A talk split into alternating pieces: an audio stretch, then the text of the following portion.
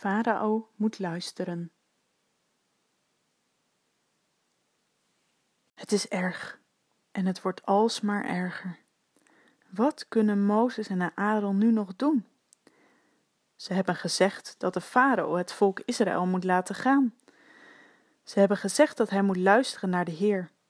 Maar farao, die trekt zich er niks van aan. Met de Heer heb ik niks te maken, zegt hij. Hier in Egypte hebben we andere goden. Farao wijst naar de muren van zijn paleis. Daarop zijn tekeningen gemaakt van de goden van Egypte. De godin van de Nijl, de godin met het kikkerhoofd, de god die beschermt tegen insecten, de god met het koeienlijf en nog veel meer. Ik heb de Heer echt niet nodig, lacht Farao. Ik heb goden genoeg. Toch moet u luisteren, waarschuwt Mozes. Laat het volk gaan, anders zal de Heer het in Egypte laten hagelen. Dan wordt de hele oogst verwoest en kan geen mens meer veilig over straat. De farao schudt zijn hoofd. Onmogelijk, zegt hij. Hij kijkt even zoekend langs de muren en wijst dan. Zie je die God daar? Die beschermt de oogst.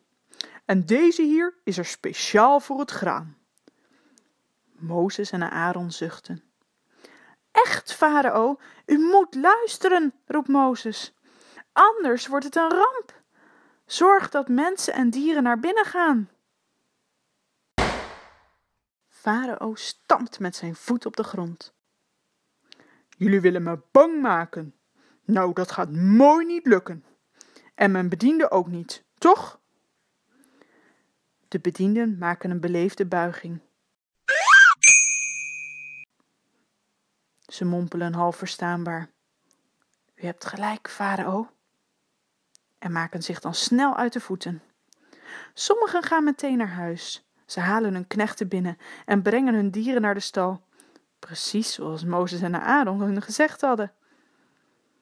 Even later staan Mozes en Aaron weer buiten. En nu? vraagt Aaron. Mozes houdt zijn arm met de staf omhoog. Op dat moment komen er donkere wolken aan. Het begint te waaien en te regenen en te waaien en te regenen en dan komt de hagel. Hagelstenen als pingpongballen zo groot. In heel Egypte begint het verschrikkelijk te hagelen. Behalve in het gebied waar de Israëlieten wonen. Daar blijft het droog. Als de farao ziet wat er gebeurt, wordt hij bang. Hij laat snel Mozes en Aaron halen en zegt: Nu weet ik dat ik fout zat. Die God van jullie is een rechtvaardige God. Ik en mijn volk zijn schuldig. Mozes en Aaron denken aan de bedienden van de farao die snel naar huis zijn gegaan. Farao is schuldig, denken ze. Maar zijn hele volk? Maar nog voor ze daar iets van kunnen zeggen, gaat Farao verder. Vraag alsjeblieft aan de Heer of hij de hagel laat stoppen. Dan laat ik het volk Israël gaan, beloofd. Buiten heft Mozes zijn handen naar de hemel. Op hetzelfde moment wordt het droog in het hele land.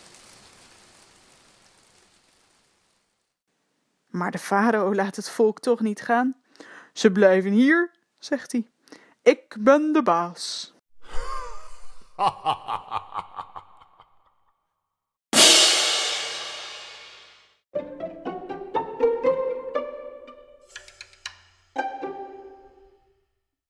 nadenkvraag. Iedere week behandelen we hier een vraag die ingaat op het verhaal van vandaag. Deze week zien we dat de hagel alles vernietigt. Het is een grote natuurkracht die wordt veroorzaakt door God.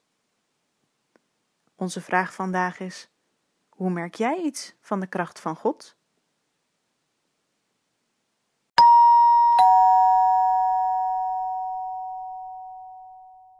De creatieve opdracht.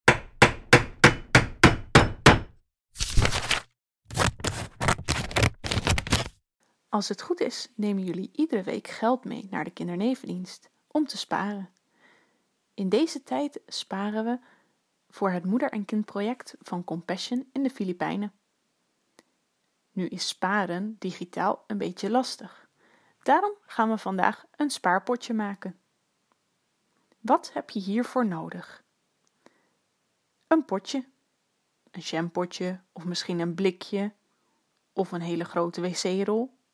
Iets waar je geld in kunt stoppen. Verder heb je lijm nodig, een schaar en materiaal om je potje mee te versieren. Dat kan papier zijn of stukjes stof.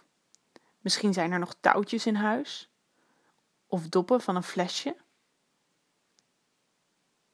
Je kunt het zelf zo gek niet bedenken. Als je al je spulletjes gevonden hebt, pak dan je potje en beplak het op zijn allermooist. Dat wordt jouw spaarpotje voor de komende paar weken. Vergeet niet om er vandaag alvast wat geld in te stoppen.